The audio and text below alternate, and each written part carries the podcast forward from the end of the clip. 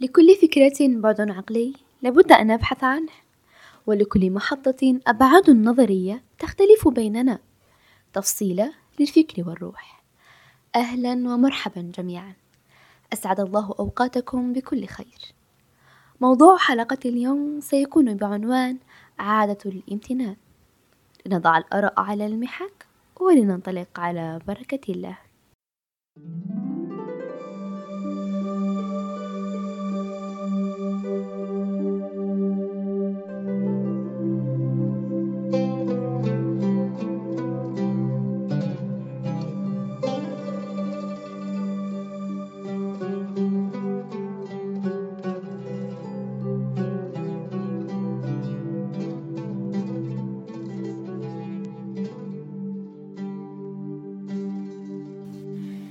الامتنان والحمد من الأشياء الجميلة جدا في حياة الفرد، فتجده ممتنا لصباحاته التي ينهض فيها هادئا مطمئنا، يرتشف فنجان قهوته بصفاء ذهن وشرود بال، يكون ممتنا لدقائق يومه عندما يتجه إلى عمله بحب كبير، يؤدي مهامه وهو سعيد ممتن لأنها في حياته، كل هذه الدقائق يحتاجها أحدهم في الضفة الأخرى. بأنه لا يملك بيتا يأوي جسده المرتعش، ولا يملك دنانير ليشتري قهوته الصباحية، لا يملك وظيفة كما تملك، فكل تلك الروتينيات يراها أحدهم بأنها الحياة بأكملها، فأنت مجبر على أن تشكر الله عليها، فلله الحمد والمنة. قيد النعمة بشكرها والامتنان لوجودها. اجلس مع نفسك جلسة صفاء بكراسة وقلم واسأل نفسك ما هي الأشياء الروتينية التي لا أحس بوجودها أو بالأحرى اعتدت وجودها؟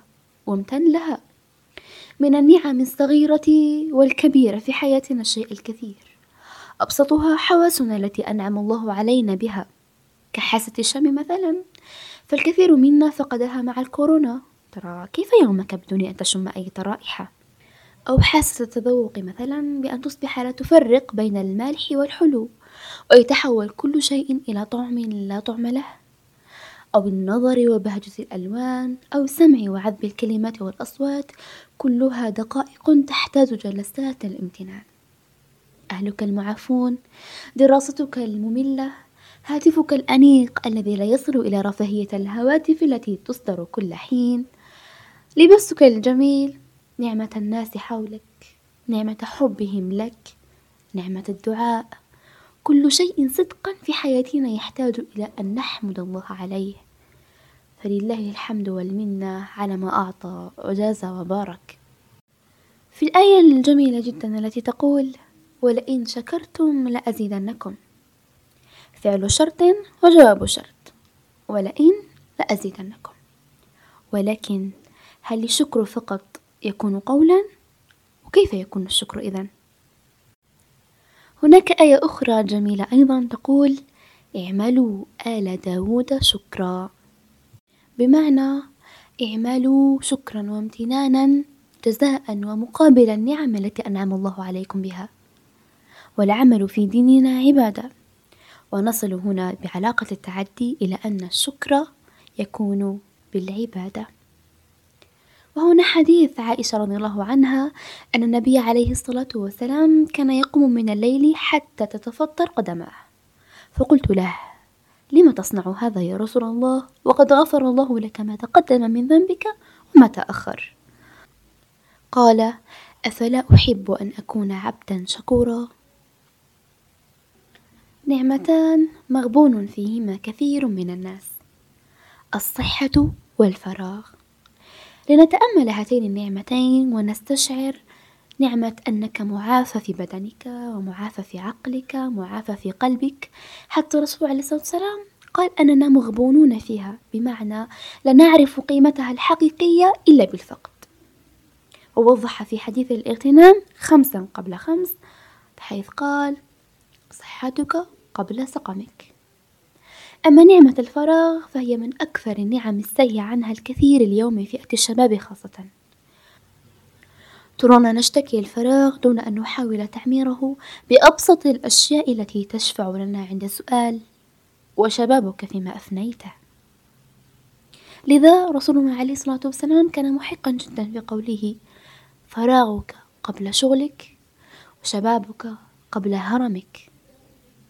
أتمنى بعد هذا البودكاست أن نطبق كلنا فكرة الامتنان. أن نجلس مع أنفسنا جلسة الصفاء بكراسة وقلم ونسجل الأشياء والدقائق التي تستحق فعلا أن نكون ممتنين لله سبحانه وتعالى على وجودها في حياتنا. نعمة الأهل، نعمة الصحة، نعمة العلم، نعمة العقل، نعمة الدعاء، نعمة حب الناس، نعمة الأكل، نعمة الشرب، نعمة الرزق، نعمة الدفء، نعمة النوم حتى الكثير الكثير من الدقائق التي تحتاج منا فعليا أن نكون ممتنين لوجودها. استشعر هذه النعم وتخيل فظيعة حياتك من دونها. كيف تكون؟ تخيل فقط لو أن حياتنا بلا نوم. كيف لنا أن نعيش؟ أو حياتنا بلا أكل وشرب. وحياتنا بلا الأشياء الضرورية التي نحتاجها في حياتنا كأساسيات. تخيل حياتك بلا ماء بلا هواء بلا شمس بلا قمر. كل هذا وأكثر يحتاج منا إلى أن نكون ممتنين فعليا. وكما قال عليه الصلاة والسلام أفلا أكون عبدا شكورا؟ والسلام عليكم ورحمة الله.